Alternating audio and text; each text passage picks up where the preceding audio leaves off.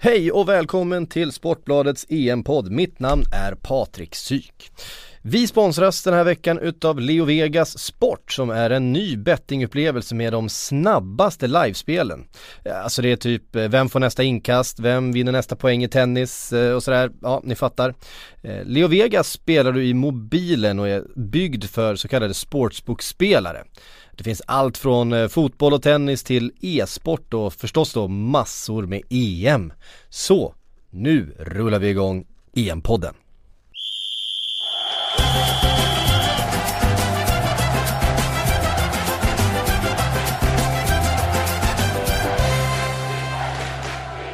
Det är torsdag, det är en dag kvar till premiären. Du lyssnar på EM-podden eh, med mig Patrik Syk och Kalle Karlsson som ska lotsa er igenom de eh, tre sista grupperna. I första avsnittet fick ni A till C. Idag ska vi gå igenom D, E och F.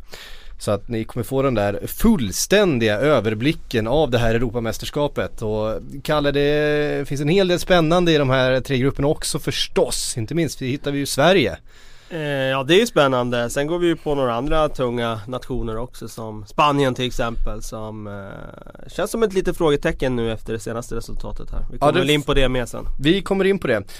Eh, ska också bli spännande att höra för jag vet att du gjorde i uppdrag för EM-bibeln här en, scouting på svenska motståndet. Eh, hur de ställer upp och vilka lag de Eh, vilka startelver de kommer välja och hur eh, eh, förbundskaptenerna tänker. Det ska bli spännande att höra vad du har att säga eh, om det och hur Sverige kan klara sig i den där gruppen. Men vi börjar förstås med grupp D och Spanien som du säger. Jag tittar här i bibeln och ser att samtliga så kallade rosa profiler, där du är en utav dem förstås, har Spanien på första plats eh, i den där gruppen. Det är alltså Spanien, Kroatien, Turkiet och Tjeckien. Mm. Eh, och det är väl eh, den ordningen också som de flesta av er har.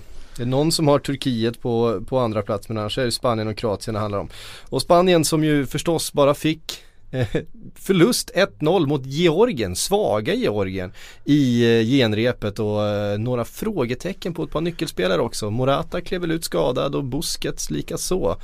Eh. Ja, eh, jag har kollat lite grann på den matchen, eh, delar av första halvlek och man kan ju konstatera att det är ett Spanien som spelar som Spanien spelar.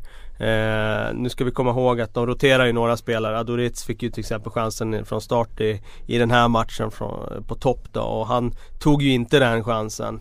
Eh, så det finns ju ett frågetecken verkligen där om Morata nu, om hans lårskada här skulle vara så pass allvarlig så att han missar en eller två eller till och med tre gruppspelsmatcher då skulle det ju bli ett väldigt kännbart avbräck för Spanien.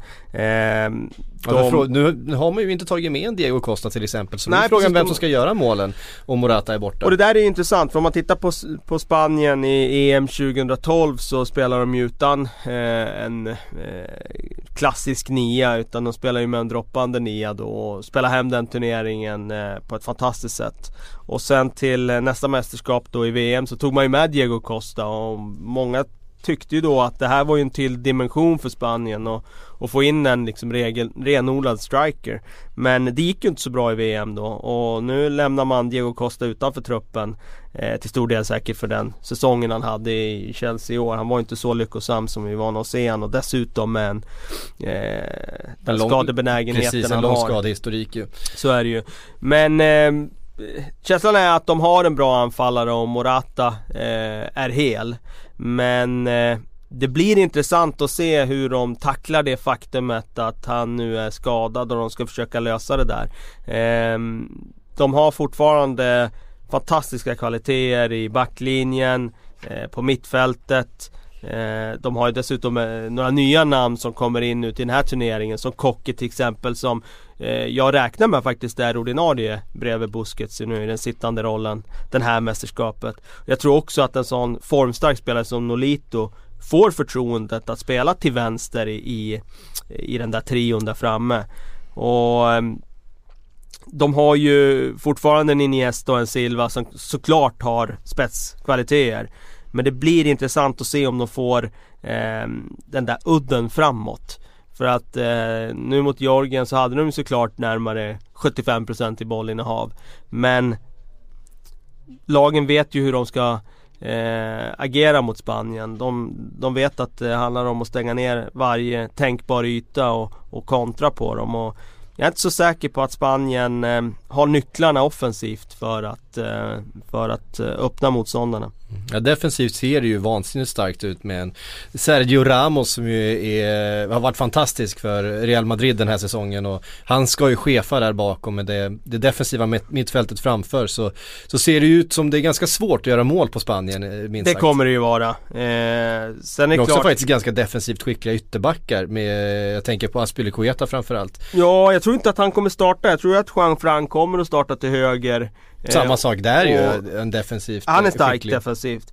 Eh, och Alba då som kanske inte är lika Mm. starkt defensivt Nej. men som är ett tåg offensivt och som gör att motståndarna måste ju lägga mer energi i sin defensiv på den kanten för annars blir man ju överbelastade och Svår att tycka om Jordi Alba. Du gillar inte Jordi Alba? Nej, jag gör inte det. Ah, jag låter det vara osagt. Som spelare tycker jag att han är Ja, han eh, briljant. kvaliteter. Alltså, han är ju en fantastisk ytterback som forsar fram på sin kant som få andra. Men eh, känslan, min känsla är ändå att eh, Spanien har fantastiska kvaliteter, kommer att spela otroligt bra passningsfotboll. Men jag saknar udd i det här laget. Mm. Eh, Såvida inte Morata är hel och tar det där klivet och blir den där anfallaren som, som stoppar dit bollar även i ett mästerskap.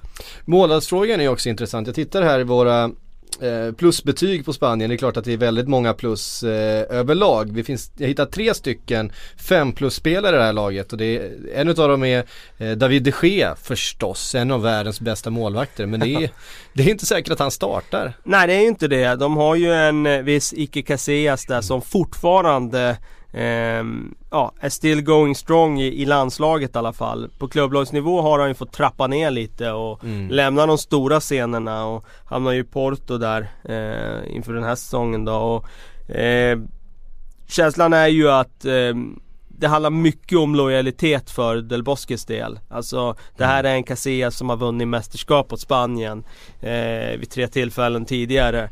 Och petar man en sån målvakt som har den erfarenheten och så vidare. Ja, jag hade gjort det.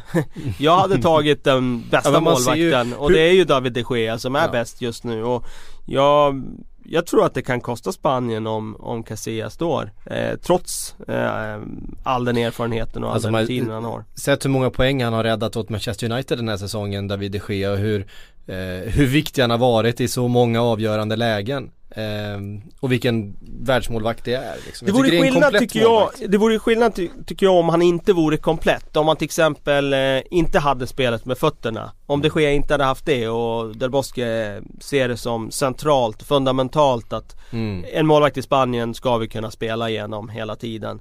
Eh, då hade jag förstått det men eh, Det har han ju också. han har ju fantastiska fötter, de Gea, så att eh, jag, ja, jag blir inte förvånad om Casillas står i en premiären Men eh, jag tycker ju ändå att det är lite konstigt eh, Mm. eh, om de skulle rata de Gea igen får man säga för att han har ju eh, under ganska lång tid varit en topp 3 målvakt i världen nu. Ja, ja, ja. Och eh, han har inte fått den där eh, landslagsplatsen som han egentligen har förtjänat. Han har ju tiden eh, på sin sida. Han har ju några år kvar i, i världstoppen. Det har han ju och Casillas som är född samma år som mig har ju inte det. Men Nej. å andra sidan som målvakter håller ju länge. Vi kommer komma in på en viss Gabor Kirali här Mhm. eh, senare. Han är ju 40. Och ja, vem vet? Casillas kanske står även i nästa mästerskap. Ja, det får vi väl, det får vi väl se. Vi får väl bara eh, nämna då de andra två 5 plus-spelarna. Sergio Busquets, det är väl inte mycket att snacka om Nej, det är en det 5-plussare. Och sen David Silva faktiskt efter det. den här säsongen. Ja, det När han är som ju- bäst så är han en Ja, 5-plussare. absolut. det är han ju. Och han hade ju lite skadebekymmer och sådär. Men jag kan köpa att han är en 5-plussare när han är på sin absoluta topp. Mm. Ett ruskigt starkt mittfält har de i alla fall, eh, Spanien. Det eh, kan vi slå fast.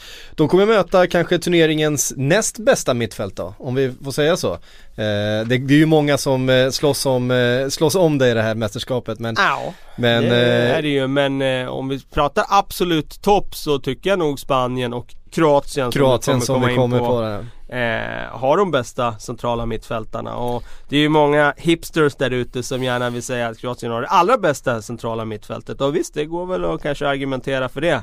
Eh, Luka Modric är ju definitivt en av de bästa i världen. Ja. Och Ivan Rakitic är i min bok inte riktigt eh, kanske eh, topp 5 men han är strax där bakom. Ja. Och visst det går säkert att argumentera för att det är bättre än Busquets, Kocke. Ja, dessutom så har de ju en eh, Kovacic som ju kanske inte fick det där genombrottet den här säsongen. Han fick väl inte spela sådär jättemycket i Real Madrid till slut efter flytten från Inter. Nej. Men har ju eh, otroligt mycket spel i sig och så har de en Peresic på kanten där som kommer fara fram.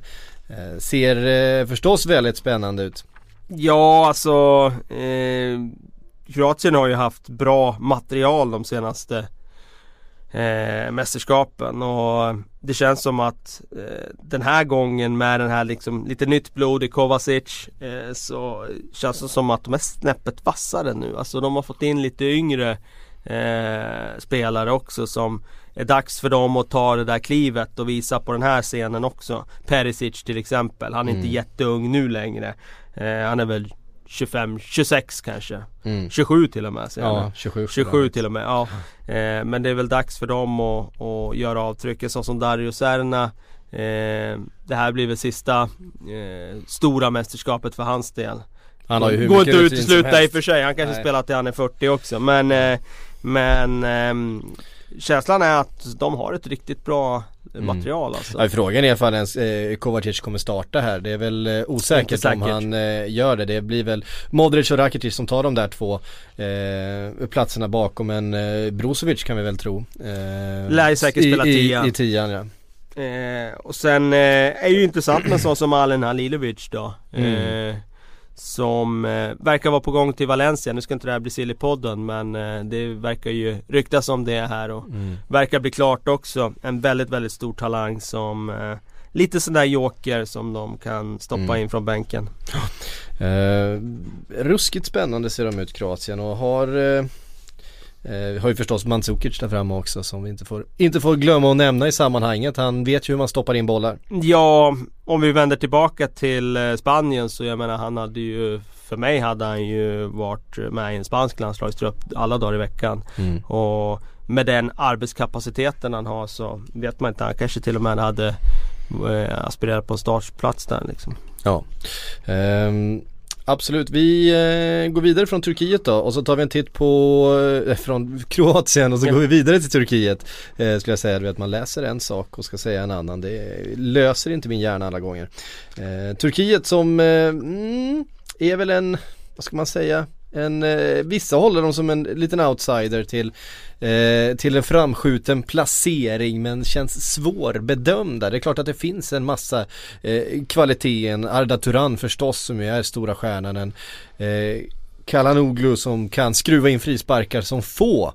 Mm. Eh, Och är det inte ens säkert att han får slå dem i Turkiet för de har ju innan som är Ja, nästan lika bra eller om inte bättre. De har ju två av de absolut bästa frisparksskyttarna i den här turneringen. Ja, i världen. Tveklöst. Ja, i världen också får man säga. Ja. Eh, så det blir intressant att se vem som vinner den eh, truppfäktningen där. Eh, nej, jag, jag måste säga att just Turkiet har jag rätt dålig koll på inför det här mästerskapet. Jag har inte sett dem som jag sett flera andra nationer. Eh, så att det är bara till namnen man får liksom Ja. Ja, man är familjär med många av namnen men eh, jag kan inte säga att jag har koll på just Fatih Terims eh, bygge till den här eh, turneringen. Men det är ju Burak Yilmaz där framme. Mm. som Honom gillar känner, man ju. Känner igen från Champions League där han har just Ja. in mål. Det är ju eh, såklart mycket som kretsar kring Arda Turan. Eh, Mm. Det var ju det mötet med Sverige här i våras. Så kändes det som att eh, han var på en nivå som de andra spelarna inte var på. Både i Turkiet och i Sverige den matchen. Så att ehm, Det är såklart ehm, mycket kretsar kring att få ut bollen till den ehm, vänsterkanten och sen eh, är det han som ska stå för kreativiteten. Ja. Ehm, Och vi, eh, vi, vi hastar väl vidare då till, eh, till Tjeckien så får vi knyta ihop Grupp D innan vi, eh, vi får ju ge Grupp E lite extra plats. Ja du säger det. Där vi, där, där vi hittar Sverige. Ja men det, det får ju bli så. Och ett Tjeckien som vi väl inte tror går vidare från den här gruppen Nej, de känns inte så sexiga. De, bara det faktumet att det är Tomas Rosicki som ska springa runt på det där mittfältet än idag och eh, ja. stå för djupledslöpningarna. Att det är Jaroslav Plasi som än idag ska sitta på det där mittfältet och bygga spelet. Ah, det är inget styrkebesked. Eh, de hade sitt mästerskap 2004 Tjeckien. Då var de väldigt mm. eh, läckra att se. Men Verkligen. Eh, känslan är att de inte fått fram sådär mycket unga spelare som eh, eh, har tagit dem vidare utan de får förlita sig på Peter Käck. Ja, Peter Käck ska hålla mm. en annars ganska skakig defensiv eh, stången där. Alltså det kommer vila stort ansvar på honom såklart. Eh, men annars har jag svårt att säga att de har mycket att hämta i den här gruppen. Sen älskar man att, man har, att de har en Gebre Selassie i laget. Ja precis, och han är ju inte ordinarie längre. Han Nej. blev ju lite kära i allihopa ja. förra mästerskapet. Han var ju väldigt, väldigt eh, framåt och Eh, var ju lite av eh, turneringens komet där, kommer jag ihåg i gruppspelet, första matcherna där. Eh, men eh, han slåss alltså med Kader Kaderbäck Kaderabäck eh, om höger, högerbacksplatsen och vad jag förstår så är det inte Gebre Selassie som väntas vara ordinarie. Nej. Um, det var grupp D. Grupp E härnäst och eh, där hittar vi förstås Sverige, Belgien, Italien, Irland. Um, och vi kan väl börja med vårt motstånd då. Som jo. du har tittat uh, väldigt mycket på den här uh, våren. Och um, vi måste ju ja, börja med i bokstavsordning. Vi kan väl titta på era tips först innan ja. vi gör det. Uh, och där har vi ju Belgien på första plats över hela, hela brädet alla rosa profiler har Belgien på första platsen. Är det lite eh, olika om man har Sverige eller Italien på andra plats. Det eh, skiljer sig en del och samtliga har Irland på sista plats. Eh, vi kan väl börja med Belgien då. Förstås, ja, men kanske hela EMs liksom namnkunnigaste lag faktiskt. Eh, supergeneration som ju förväntas kanske ta en medalj här. Eh, det är liksom, känns som deras mästerskap på något sätt. Det är dags nu för den här eh, gyllene generationen att ta det där guldet helt enkelt.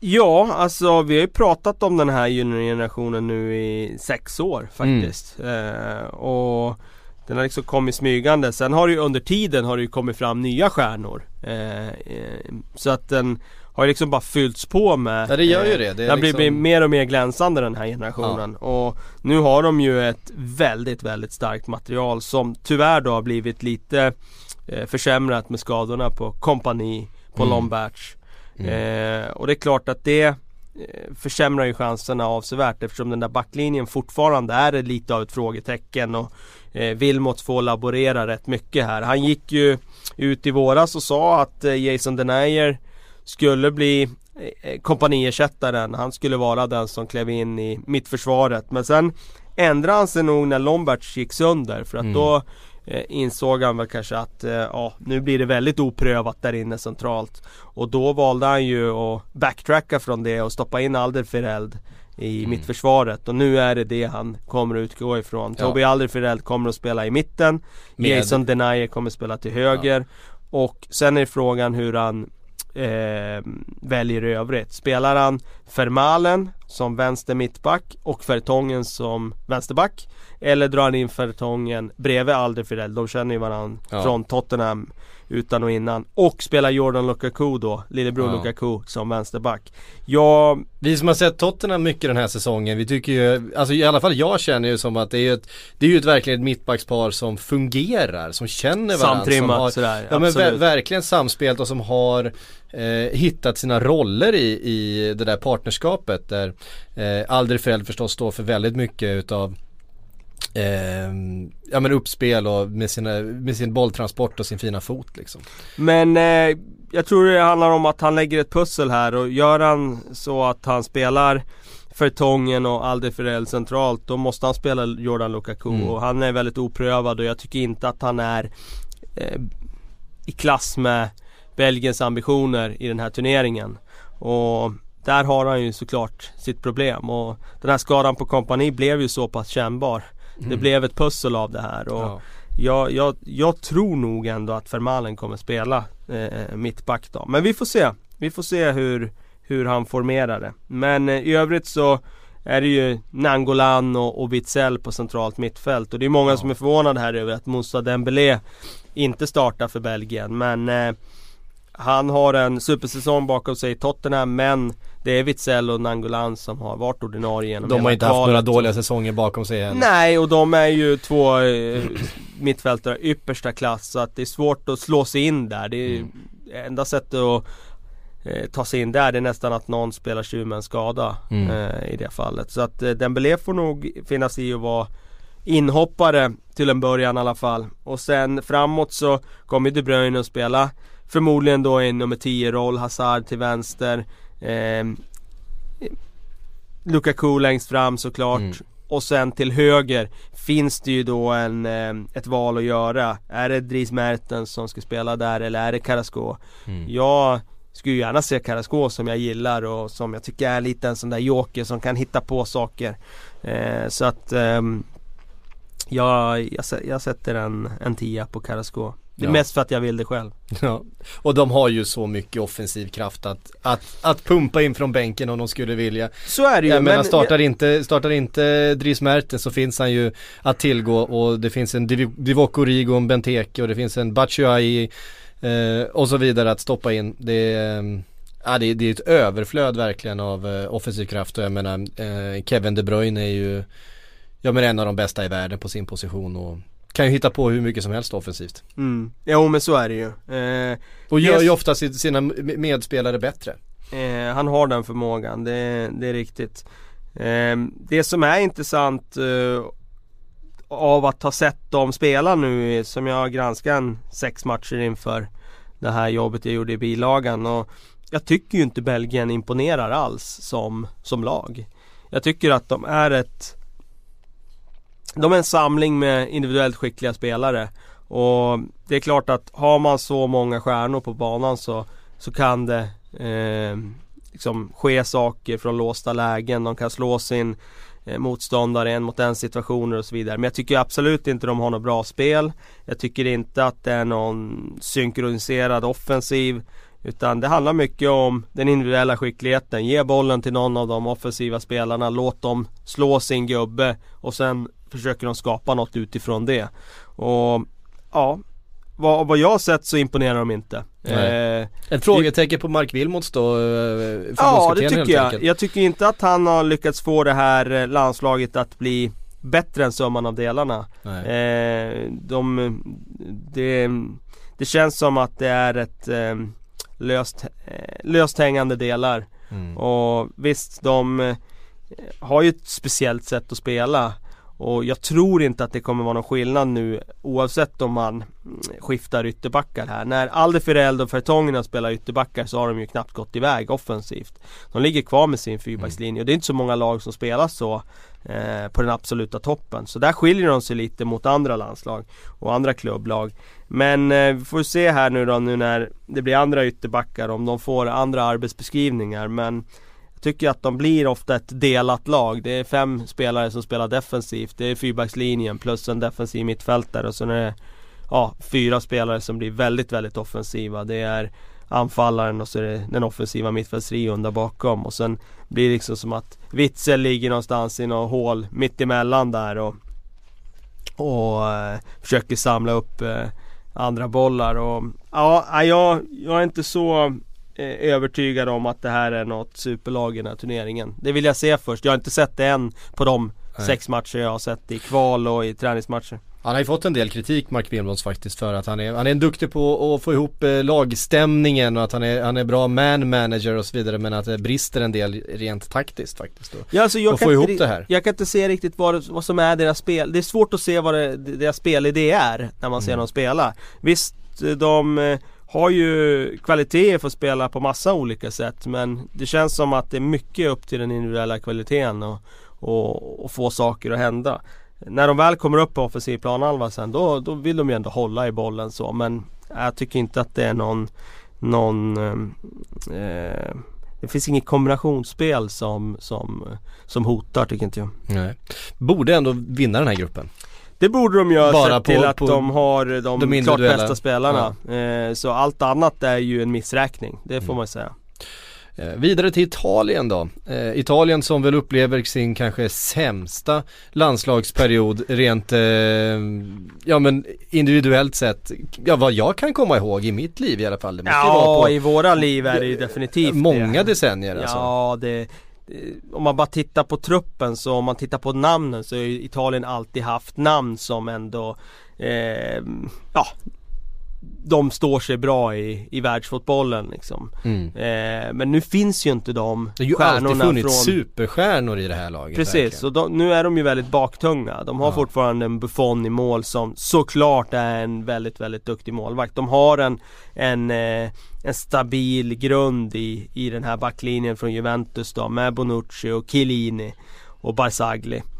Eh, och där är det intressant då med Italien väldigt, väldigt svårläst på förhand måste jag säga. Eh, mm. De har ju laborerat extremt mycket mellan olika uppställningar och läsa Conte det, det, det har inte varit lätt alltså, det kan jag säga. Det har varit fyrbackslinje, det har varit trebackslinje, det var 3-4-3 mot Spanien. Det har varit 4 4-2, det har varit 4-2-4, det har varit 4-3-3, det har varit allt möjligt. Eh, och det är väl ett tecken det, på att han inte riktigt litar på sitt material helt Han litar inte på sitt material, han har inte hittat rätt och han har haft extremt många jämna spelare. Så att mm. det har berott mycket på vilka spelare han har använt eh, för att få ut det mesta av dem och då har liksom systemet fått flyta fritt. Och nu verkar det ju som då i matchen de hade, genrepet här mot Skottland Så spelade de ju faktiskt med ett 3-5-2 i den matchen Och då var det ju den här trion från Juventus mm. som eh, eh, Chiellini, Bonucci, Barzagli och det, det, är klart det är naturligt att, eh, ja. att spela dem. Då vet de att de har en väldigt säker defensiv. Och så låter de Darmian och De Chiglio eh, agera wingbacks. Mm. Eh, och då blir det ju ett ganska baktungt Italien. Ja. Eh, och det, jag vet inte riktigt. Eh, Känslan är, är det ju svårt att se vart målen ska komma Ja det är det, det är det som är, det är det jag tänkte komma att Det är klart att de kommer vara svåra att bryta ner Det är de alltid mm. Men eh, De har ju inte så mycket spets framåt och Känslan är att de kanske Ja eh, Kanske blir lite för defensiva 3-0-0 matcher. Eh, jag blir inte överraskad. Eh, vi får se men eh, eh, Jag menar Italien går till ett mästerskap med Graciano Pelle och, och, och Eder som ett möjligt anfallspar. Alltså det är inte Det är inte det Italien vi har vant oss vid. Det är inte den klassen vi är vana att se där framme. Så det är klart det finns en Insigne Som mm. såklart eh, eh, Har en väldigt väldigt hög eh, nivå i sig kan få saker att hända från låsta lägen. Det är en sån spelare som måste lyckas tror jag om Italien ska kunna eh, ja, gå långt i den här turneringen. Det känns väl också som de har väl experimenterat med en Thiago Motta som eh, nummer 10. Hej, jag Ryan Reynolds. På Mint Mobile, we like to do the opposite of what Big Wireless. They charge you a lot. We charge you a little. So naturally, when they announced they'd be raising their prices due to inflation, we decided to deflate our prices due to not hating you. That's right. We're cutting the price of Mint Unlimited from $30 a month to just $15 a month. Give it a try at mintmobile.com slash switch. $45 up front for three months plus taxes and fees. Promo for new customers for limited time. Unlimited more than 40 gigabytes per month. Slows. Full terms at mintmobile.com. Till exempel i de Känns inte så sexigt. Nej, i de mm. tillfällena som de har spelat med nummer 10 så är det väl han som har stått där och det Nej, det känns ju inte som eh, Man vinner ett EM-guld med. Nej det Även att jag gillar Thiago Motta på många sätt men eh, sen, sen är det ju, det är så det finns ju alltid, allt är ju relativt här. Jag menar vi säger att Italien är den sämsta truppen som de någonsin har haft under våra liv i ett mm. mästerskap. Men om man tittar på truppen så, jag menar det är ju bara, fortfarande bara en svensk spelare som går in i den här startelvan och det är Zlatan ja, och sen är det inga fler. Eh, så de är fortfarande bra spelare.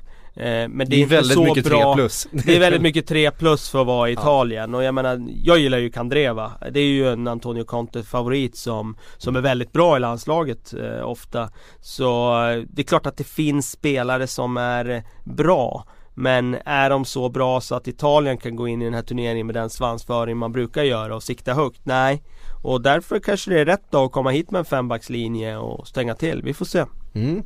Eh, Italien eh, tar vi oss vidare då till svenska premiärmotståndet Irland. Just det. Eh, och de är också lite svårlästa får man säga. Vi, eh, ja. vi vet inte riktigt vart vi har dem. Eh, vem ska starta på topp till exempel? Det kan väl inte vara Keen?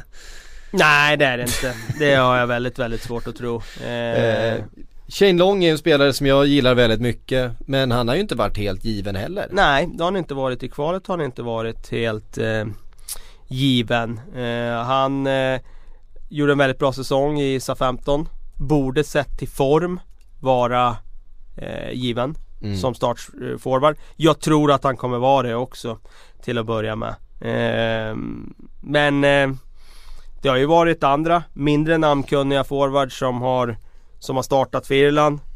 Vad han heter där framme, Hendrix och Murph, Murphy framförallt. Ja, Murphy är väl ja. Mm. Eh, och det är ju inte spelare som, jag menar, skrämmer några backar i den här turneringen. Det är det ju inte. Nej. Daryl Murphy, Ipswich liksom. Ja, nej men eh, vi hade tagit ut en, en potentiell startelva här i, i Bibeln och det känns väl som, det är en 4-4-2 det känns väl inte osannolikt att det blir den som startar heller. Eh, om vi försöker ta då, se hur många utav de spelarna som skulle ta plats i ett svenskt landslag till exempel. Eh, så vad jag kan hitta, O'Shea i mittförsvaret eventuellt.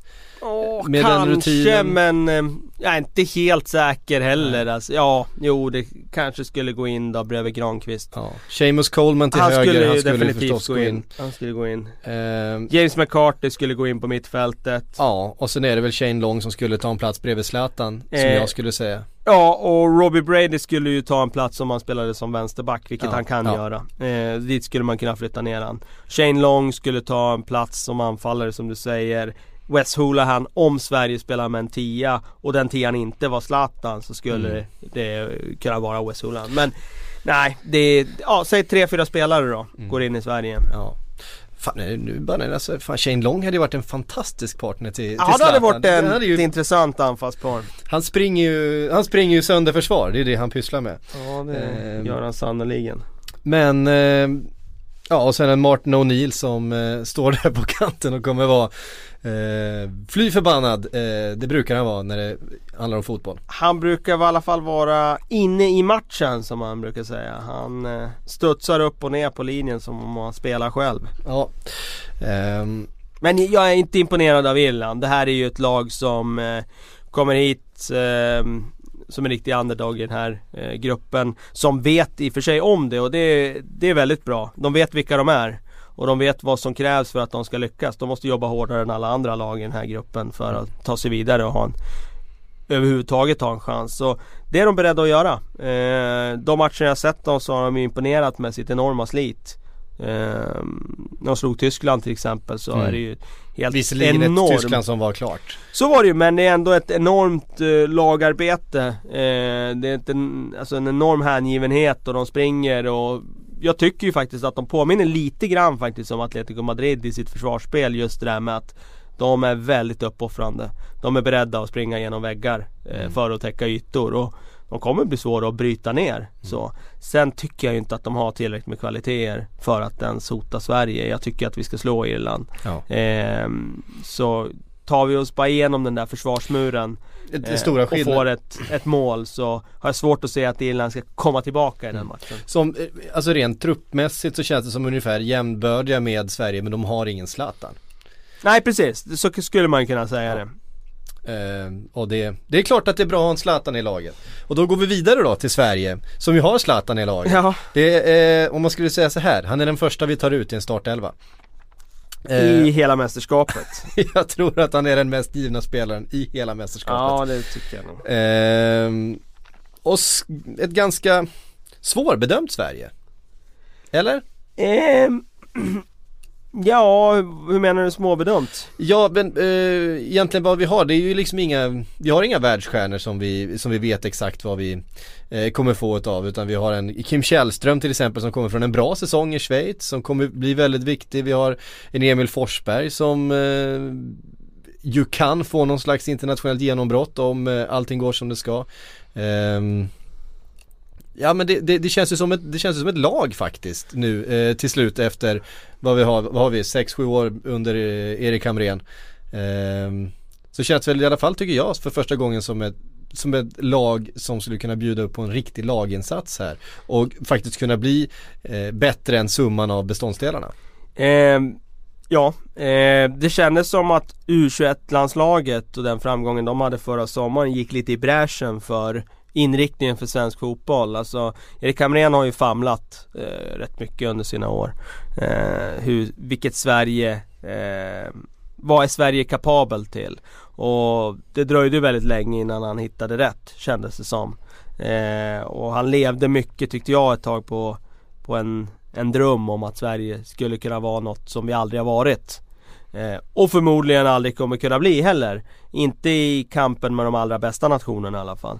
Eh, men i de här kvalmatcherna i höstas mot Danmark så kändes det ju som att Sverige hittade tillbaka till grunderna och gjorde plötsligt det som ett svenskt landslag kan, har kunnat och alltid förmodligen kommer kunna. Vara ett rakt, lojalt, hårt arbetande kollektiv. Och jag var väldigt, väldigt imponerad av det som Sverige presterade i de matcherna för då var man ju ett svårslaget lag. Då agerar man som en, en enhet som var svår att bryta ner och jag måste säga att eh,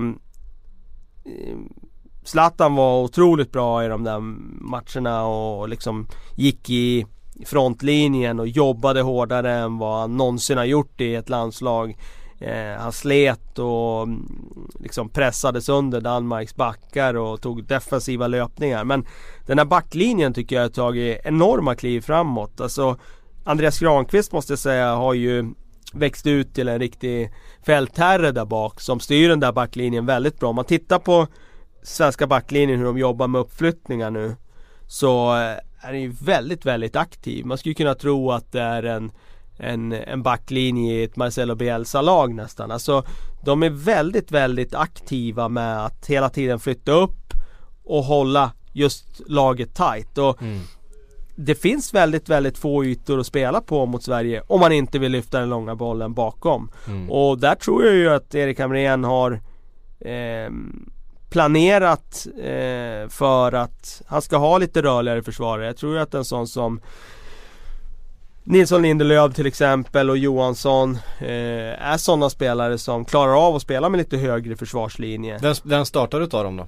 Jag tror att det blir Johansson nu eftersom han startade, han senast mot Wales. Mm. Och, eh, jag tror inte han spelar sig ur laget eh, med den insatsen. Nej. Och jag tror att det är lite så safe option också. Han spelade mot Danmark, gjorde det bra när Sverige ändå säkrar den här EM-biljetten och jag tror att det väger tungt i det här sammanhanget. Eh, hade vi Nilsson Lindelöf i de här matcherna han fått chansen varit exceptionell Då hade han kunnat spela sig in i en elva men Han har gjort det okej okay, eh, Lite mer än godkänt Men det har inte räckt för att eh, ta den platsen. Så jag tror att det blir Johansson och jag känner mig väldigt trygg med det svenska försvaret idag. Mm. Vilket man inte gjorde för, för ett, år sedan, år sedan eller, eller bara i höstas innan de skruvade tillbaka sakerna eh, några varv och gick tillbaka till till eh, grunderna. Mm. Eh, så jag måste säga, Hamrén fick ju väldigt mycket kritik för sitt eh, försvarsspel under många år och där måste jag berömma honom. Alltså, han har han har styrt upp det bra nu. Jag kan inte säga att det är någon annan som, ja det är möjligt att Peter Wettergren har kommit in och, och gett dem någon dimension där. Det, det, vet jag ju inte, det är, nu spekulerar jag fritt. Men han ska ju ha credit för att försvarsspelet har ju blivit betydligt bättre idag och jag jag är inte ett dugg oroad när vi åker till mästerskapet nu. Jag kan säga att vi håller nollan mot Belgien. Jag kan säga att vi håller nollan mot Italien. För att det, det känns ganska tryggt och de är det har blivit ett rakt 4-4-2 försvar där de svenska spelarna är så trygga i det zonförsvaret att Ja, det... Och det är ett mittfält som ger väldigt mycket understöd till backlinjen ju. De, de krymper ju ytorna något vansinnigt eh, centralt ja, där. Det precis. finns ju ingenting att spela på mellan, mellan mittfält och backlinje. Ingenting, och, men som sagt, som jag var inne på där, jag tycker det mer handlar om den svenska backlinjens arbete mm. med att verkligen flytta upp än att det handlar om Lewicki och Källström att de sjunker ner. Utan jag tycker att de är så pass aktiva nu i den där svenska backlinjen att de, de krymper det där avståndet. Och som du säger alltså Eriksen, Christian Eriksen, mm. mötena med Danmark där, han har, ju, han har ju inga ytor alls att spela på. Och det är klart att det kommer kunna stickas in en boll bakom den svenska backlinjen och eh, det kanske leder till några farliga chanser, det kanske leder till något mål. Men på det hela taget så tror jag att de tjänar på det i längden. Att de inte ger några ytor för motståndarna att spela framför dem. Nej. Um, Kim Källström, hur viktig blir han? Eh, han blev viktig. Haft en bra säsong bakom sig. Eh, han fick ett lyft efter klubbytet. Ja. Eh, har en bra säsong bakom sig. Är jätteviktig för svensk del. Eh, han är den som kan slå den avgörande passningen.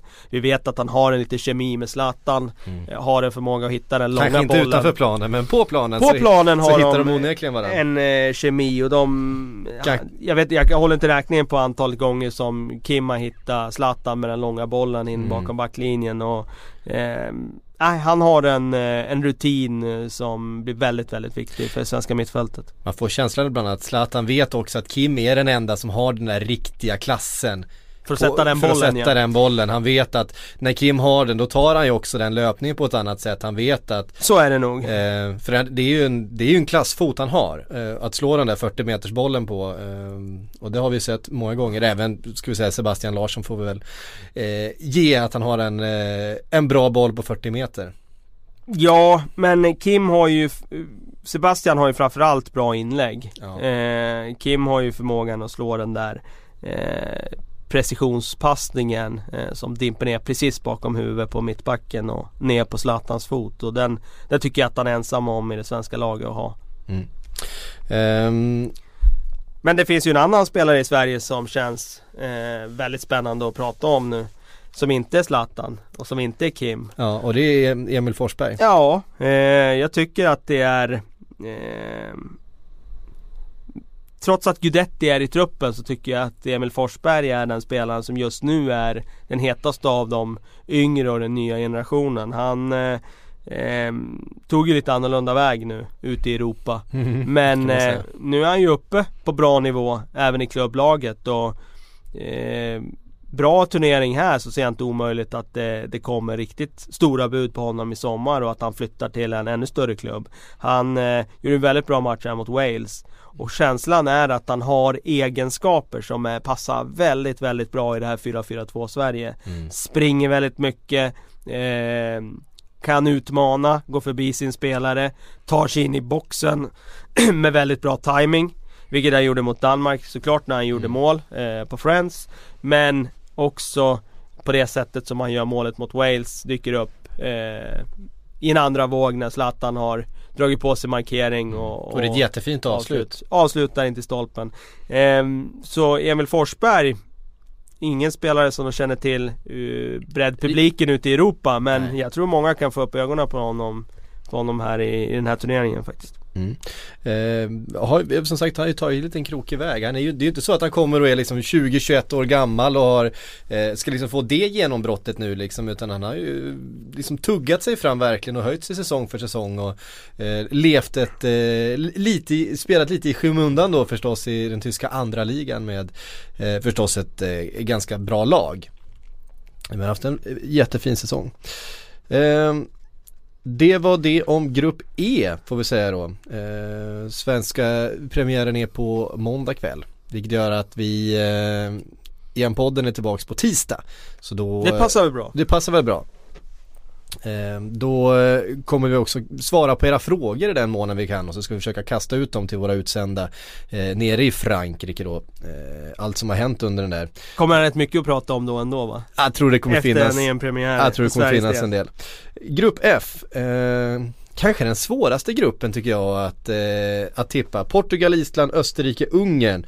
Och här, eh, ja det är Portugal på alla utom Erik Niva som eh, har Österrike på första plats. Okej. Okay. Men eh, eh, man får väl känslan att det står mellan de två lagen i alla fall. Vi kan väl börja med Portugal som ju, likt Sverige har en spelare som ganska tidigt plockats ut i en startelva i Cristiano Ronaldo. Eh, sen är det ju frågan eh, hur status är på eh, laget i övrigt. Gan väldigt namnkunnigt förstås. Det finns duktiga spelare i alla lagdelar men mm, vad, är, vad är status på ja, Portugal? Status i Portugal är ju som det alltid har varit, det är min känsla. De saknar en striker i, i toppklass och det här har ju varit ett tema i i år efter år i mästerskap efter mästerskap ända sedan Pauleta eh, la av i princip. Och de, eh, ja, känslan är att eh, Eftersom de inte har någon striker i toppklass så får de formera om elvan så pass mycket så att de tappar väldigt mycket av sin slagstyrka. De har ju faktiskt, Fernando Santos, förbundskaptenen, har ju spelat 4-4-2 i, i vissa matcher med Nani som forward och Ronaldo som släpande. Mm. Och det är ju inte eh, de eh, positionerna som, eh, som de är familjära med. Ronaldo har ju spelat en del släpande och centralt men det är klart att han är som bäst när han får utgå från vänster och vika in och ta skott. Så att eh, jag är inte superimponerad av Portugal. Det är klart att det finns eh, klass i det här laget i mittförsvaret med Alves Peppe som såklart är väldigt starkt. På mittfältet med Moutinho som fortfarande är bra.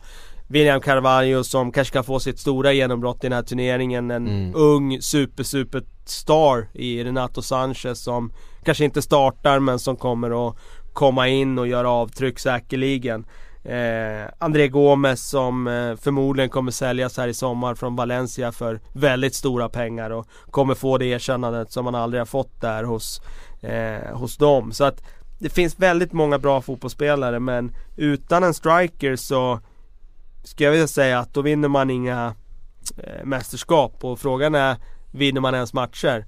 Nu kommer såklart den historiekunniga säga att Frankrike vann VM 98 utan en striker och det finns ju i och för sig en poäng i det men de hade ju de hade ett eh, helt okej lag De hade bakom. ett helt okej lag bakom dem och de hade framförallt en Zidane som spelade som i trans ja. eh, När det behövdes som allra mest sen um, hade ganska kämpigt mot England i genrepet Portugal. Då var inte Cristiano med. Nej, eh, Bruno, det gör ju Bru ganska stor skillnad i och för sig. Det gör det ju. Bruno Alves försökte avrätta Harry Kane också. Ja, det var en eh, karatespark upp i huvudhöjd som... Eh, som lyckligtvis inte träffade, men den... Eh, Nej, han fick väl rött kort ändå, ja. vilket var helt eh, korrekt. det rödaste kortet och, jag sett på länge. Och det gladde mig att han fick rött kort för den, för att ofta så går ju domarna mycket på hur ont spelaren får. Ja. Men det var ju modigt av den, den domaren att ta det röda kortet, för det var ju ett rött kort. Ja,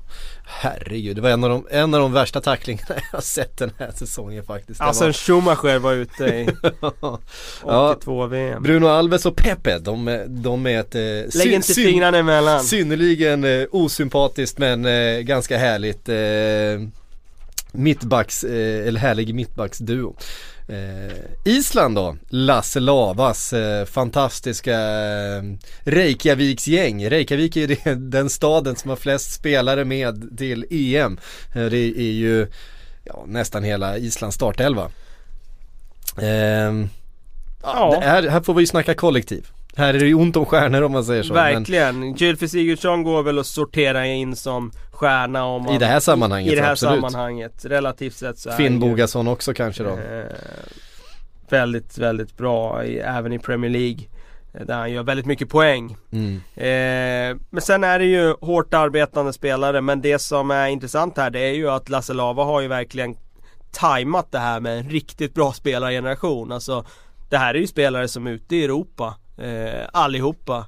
Och flera har varit ute i många år som Aron Gunnarsson till exempel som mm. har varit ute i Spelar Premier League med Cardiff och, och så vidare och de här Halfredsson, Sigurdsson eh, Känner vi igen Skulason, Arnason eh, Alltså alla känner vi igen ja, har gått vägen i... via Allsvenskan ja. och det, um... Och Gudjonsson är kvar Och Gudjonsson är kvar lite som lagpappa. Ja. Han ska väl eh, bara vara med och bidra med lite han? rutin i Han fyller, omklädningsrummet. fyller 38 i år. Ja, precis. Eh, så... um, ah, känslan är att eh, alla Lasse Lagerbäck-lag är väldigt svårslagna för de är starka defensivt. Och Island kommer vara i den här turneringen. Alltså det är inte så lätt att bryta ner det där 4-4, raka 4-4-2 spelet. Så att eh, det förvånar inte mig om de spelar 0-0 med Portugal här i öppningsmatchen. Eh, jag tror jag tippade det i min tippning. Ja. 0-0 eller något sånt. Och ehm, Det vore ju superhäftigt om om de kunde ta sig vidare den här, Mm. ur den här gruppen. Jag tror att det blir svårt att göra det som etta eller tvåa. Det får nog bli som trea i så fall. Ja, ja de har ju eh, Ungern, vi kommer till dem eh, alldeles strax här. Eh, som ju är kanske turneringens sämsta lag eh, i sin grupp. Så att det finns ju en eh, eh, en strykpåse att, att ta några poäng mot i alla fall så man kanske kan gå vidare som en av treorna där då. Min favorit Sigur, Sigur Jonsson från GIF Sundsvall verkar ju inte få starta i alla fall och det är lite tråkigt men ehm, där har de ju sparkapital. Jag tror att han står sig bra även i ett EM med den bolltryggheten han besitter med att komma in och, och lugna ner spelet om det skulle behövas till exempel mot Ungern eller så. Mm. Om de hamnar i ledning så att ehm, ja nej de har ju bredare trupp också än vad många kanske tror. Ett populärt spel har jag sett också, att spela på att Island vinner EM. Jaha okej. Eh, det är Spelat ner det i, det står bara i sju gånger pengarna nu då, eh, är det är många som, eh, många som gillar Island och vi har satt 4 plus på Lagerbäck. Ja men det ska han ha. Absolut. Det ska han ha. Hur många plus hade han när han lämnade svenska landslaget skulle du säga? Tre. Ja, han har spottat upp sig via, ja, vi- via Nigeria. Nej, men framgångarna, han, i, framgångarna i Island drar ju upp ett plus, absolut. nej, det går inte att eh, ifrågasätta. Eh, Österrike. är En, eh, ett intressant lag som får ju räknas in med de här andra som eh, man håller som en liten outsider till faktiskt en ganska framskjuten placering i den här turneringen. Eh, vi har ju pratat om Polen som kanske skulle kunna gå hela vägen till en final kanske men, men har vi Österrike i en semifinal så eh, är det ju inte otänkbart. Nej absolut inte. Jag menar de klädde ju av Sverige på Friends här. Mm. Så det stod härliga till och då fick vi ju se vilken enorm kvalitet det faktiskt finns i det här laget. De har ju några riktiga Mr X-spelare här i David Alaba. Men framförallt en Premier League-favorit Arnautovic som på sin dag kan mäta sig med de allra bästa spelarna.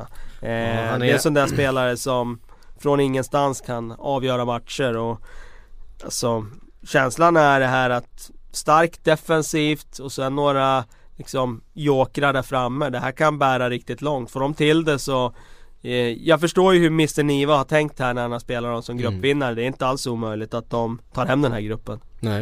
Eh, Arnautovic som sagt har ju haft en kanonsäsong. I alla fall första halvan av säsongen. Ja, Sen gick alltså, väl hela Stoke som- eh, ner sig lite grann Precis. under våren här men, men han, eh, ehm, eh, han var väldigt, han var förvånansvärt stabil under hösten. Mm. Han är ju Det har ju annars varit en hans lite problem. ojämn Mm. spelare annars. Men eh, gjorde mycket mål och mycket poäng för att vara honom. Och jag... Eh, ehm, ja, det skulle vara kul att se Arnautovic i ett mästerskap när han är i toppform. För då är han en sån som kan ta faktiskt hela EM med storm. Så, så pass bra ha, högsta nivå har han. mm. Det och finns ju även lite solid defensiv på den kanten också bakom honom i Christian Fuchs som inte satte många fötter fel för Leicester nej. den här säsongen och Kommer innebär- kasta långt dessutom. Kommer kasta långa inkast och det innebär att Arnautovic kanske ska vara ännu mer offensiv på den kanten Mm. När han vet att han har Fuchs bakom sig Han var väl lite i början av sin karriär där Arnautovic, var inte han i Inter samtidigt som eh, Zlatan? Jo, Eh, skulle väl gå lite i Zlatans skola där och, och, och eh, omnämndes väl lite som den nya Zlatan. Sen- ja har vägde inte tag- alltid upp det på planen då Nej, han, eh, det har tagit eh, några år men eh, nu har han ju börjat visa kvalitet verkligen. Ja han är inte ung längre, han är 27 nu. Ja. Men eh, det är klart. Eh, nu har han mognat och eh, tycker också att han har blivit Han vet vad han är bra på nu och nu gör han det. Mm. Eh, har ju haft lite sådana där problem med humöret ibland också i matcherna och drar ju på sig en del onödiga kort. Eh, sånt kan bli kostsamt i ett mästerskap eh, där det inte är så många matcher det handlar om. Det är ganska stor skillnad här på kanterna i Österrike. De har ju Arnautovic som en väldig individualist till vänster. Så har de Harnik som är kanske den mest lojala, hårt arbetande yttern i hela turneringen till höger. Mm. Så de har ju väldigt bra balans där också i sitt lag. Och sen Eh, Alaba där i mitten som står och, Alaba som... och dirigerar spelet Ja. helt, liksom helt och hållet. Och, och har eh, den där speeden som gör att han kan slå sin motståndare. Eh, centralt ja. Ja, precis. Och, ja, nej. Det, det, är ett, det, är ett, det är ett bra Österrike som eh, eh, ja, skulle kunna vara en, en sån där överraskningslag i den här turneringen. Mm. Ehm, blir väldigt intressant att följa eh, Grupp F då. De kommer ju spela samma dag som vi har vår eh, nästa inspelning så vi får väl återkomma till det om en vecka då hur det har gått eh, i de matcherna. Vi får väl säga någonting om Ungern också som är Klart vi ska säga något om Ungern. Ja, precis. Dessa klassiska Ungern. Har Eh, spelat stora matcher. Ja, det var världens, En gång i vär- tiden. världens bästa landslag Ja. för 80-90 år sedan. 90 år sedan. Nej, det blir, var kanske lite längre. 70-80 år sedan då. 54, då var de väl nästan världens bästa landslag men lyckades slarva bort den där. Ja, hur länge sedan är det? Nej, det är inte så länge. Det är 60-70 Ja, 60. år sedan. Ja. Ja, det är min matte som inte riktigt eh, går ihop.